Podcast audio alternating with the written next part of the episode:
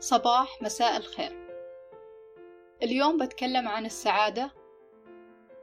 قبل ما أتكلم في الموضوع أبذكر دراسة. الدراسة باختصار كالتالي.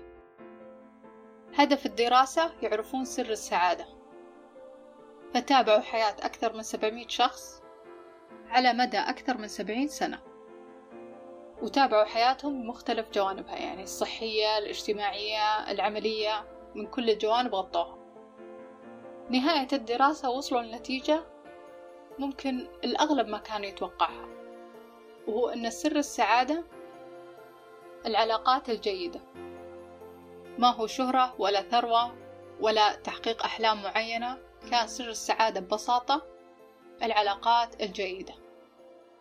طيب إيش تعريف السعادة؟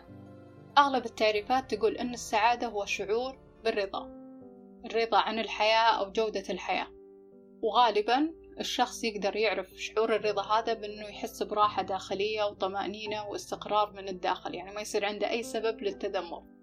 هالتسجيل بتكلم من خلال تجربة شخصية يعني الرأي اللي أنا أقوله مرتبط فيني أنا.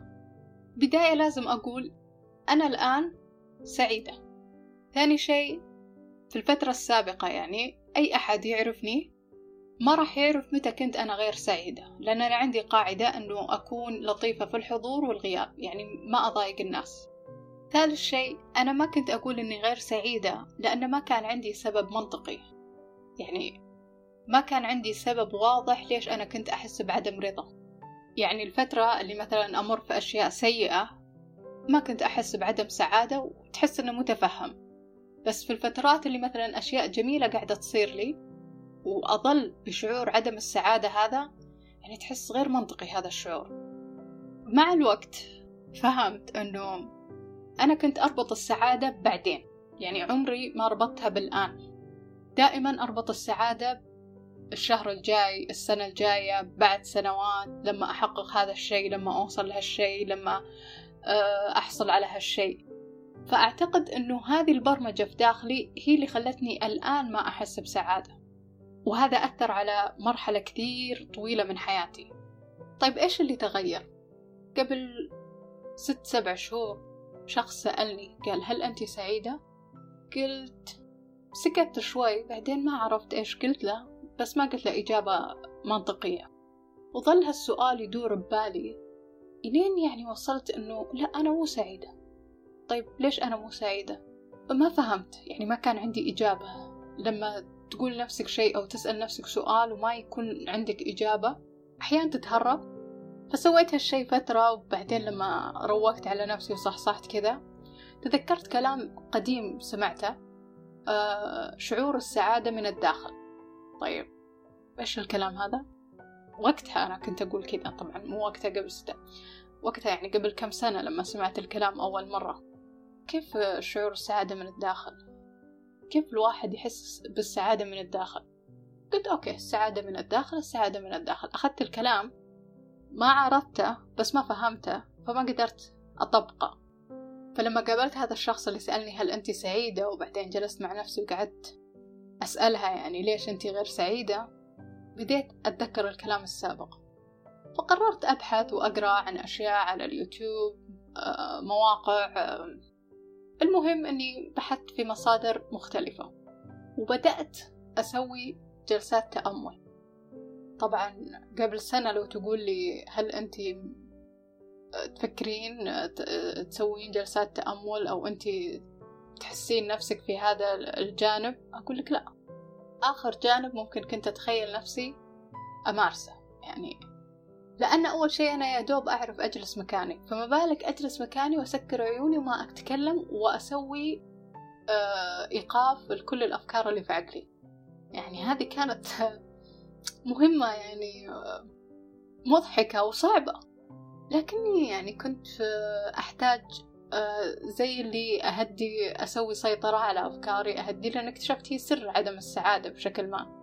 اكتشفت بعدين يعني أنه عدم السعادة كانت من الداخل فعلا. لأنه أنا كنت أهيئ لنفسي أفكار وأقول نفسي أشياء وصدقتها صراحة. فلما بديت أسوي جلسات التأمل بديت أرتاح بدت الأفكار تخف أو بمعنى أصح مو تخف تترتب. وما أعرف كيف أشرح هالشيء وما أقول كل شخص لازم يسوي هالشيء.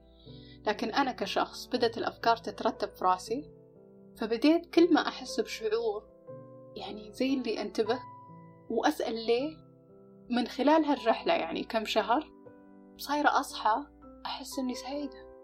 ليش؟ ما عندي سبب منطقي. إيش تغير من كم ستة شهور الماضية للآن؟ ما في شيء تغير حياتي نفس ما هي صدقا أنا تغيرت من من الداخل هذا اللي تغير. لو يعني تبغى شيء تسمعه أنا من داخل تغيرت. لو تقول لي إيش السر؟ السر والله إني هديت. صرت من خلال التأمل اللي أنا كنت أسويه وأنا ما كنت مدركة أن له أبعاد ثانية صدقا. يعني أنا كنت أمارسه بس عشان أهدى عشان آخذ نفس. أول ما بديت كنت أحتاج أركز. يعني كان التركيز عندي سيء فسمعت أن التأمل يساعد في التركيز فبدأت أمارس التأمل عشان أقدر أركز. بس مع الوقت بديت أحب لحظات الصمت هذه لحظات الهدوء. ومن خلالها بديت أسمع نفسي صح من الداخل. في بعضكم بيقول إيش الكلام هذا؟ أي ما هو أنا أنا أفهم إيش لما تسمع كلامي هذا تقول إيش قاعد تقول هذه؟ أفهم. لأن أنا كنت أقول عن السعادة من الداخل وش الكلام هذا؟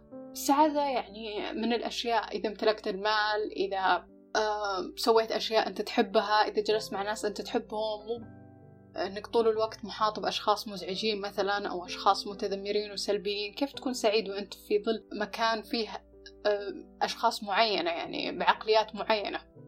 كنت أقول كذا سابقا بس الآن ما أقدر أقول كذا. أنا مسؤولة عن نفسي. بالتالي أنا مسؤولة عن اللي يصير داخلي. بالتالي أنا مصدر سعادتي. يعني التسلسل صار منطقي. صرت أشوف إيش معنى السعادة من الداخل.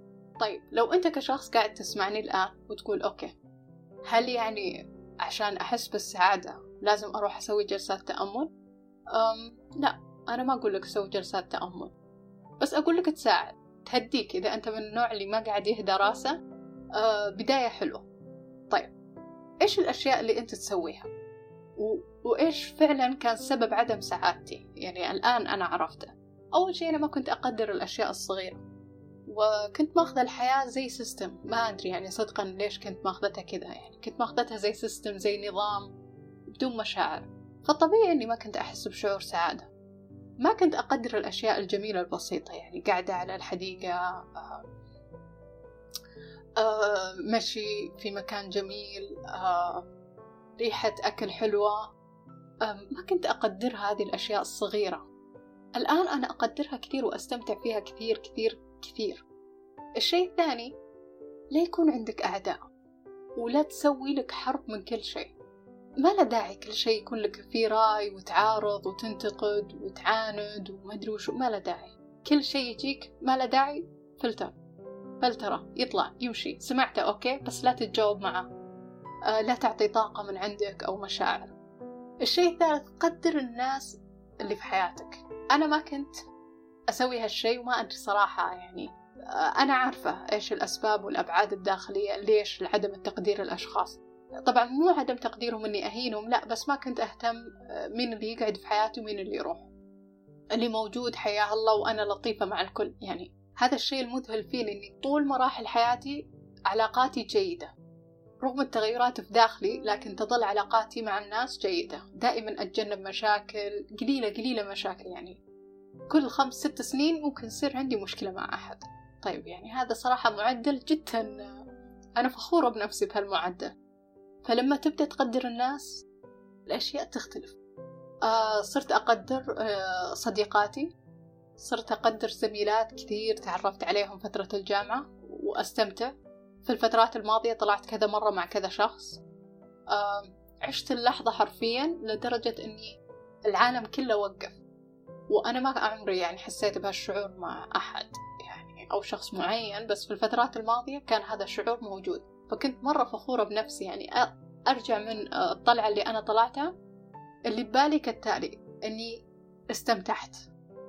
وفخورة بنفسي إني استمتعت. فهذا الشيء الثاني. الشيء الثالث إنك تحب نفسك. طبعا من خلال هالتسجيل بتلاحظ إني ما استخدمت كلمة آه تعيس أو كلمات آه سلبية. استخدمت مصطلح عدم سعادة عدم رضا. الكلمات لها قوة. طبعا أكيد أنت تعطيها القوة وتاخذ منها قوتها بس الكلمات اللي ما ما هي لطيفة ما تحس بشعور حلو وأنت تقولها أو تسمعها بلاش تقولها. يعني تعاسة. لما تسمعها وأنا أقولها ما تعجبك. بس لما أقولك غير سعيد تحس أن وضعتها أخف. فتنتبه على كلماتك. من الأشياء اللي ساعدتني أني أنا سويت لي system طبعا مو system أني آه، ماخذ الحياة system لا. system أنه سويت لي جدول. هذا كان في البدايات. الحين الجدول يعني ما هو ما عندي جدول ثابت بس صرت مسويت لي جدول في البدايات إنه وقت للقراءة. وقت إني أسمع أشياء معينة آه، يعني أشياء إيجابية. فمن خلال ال system هذا أحس إنه أثر كثير في إني تحسنت من الداخل. وانعكس هالشي على الأمور الخارجية عليه. أيضا من الأمور اللي أنا سويتها وكان لها أثر مرة كبير أنا حذفت الإنستغرام قل استخدامي لل social media بشكل كبير زائد من وقت للثاني أحذف الواتساب.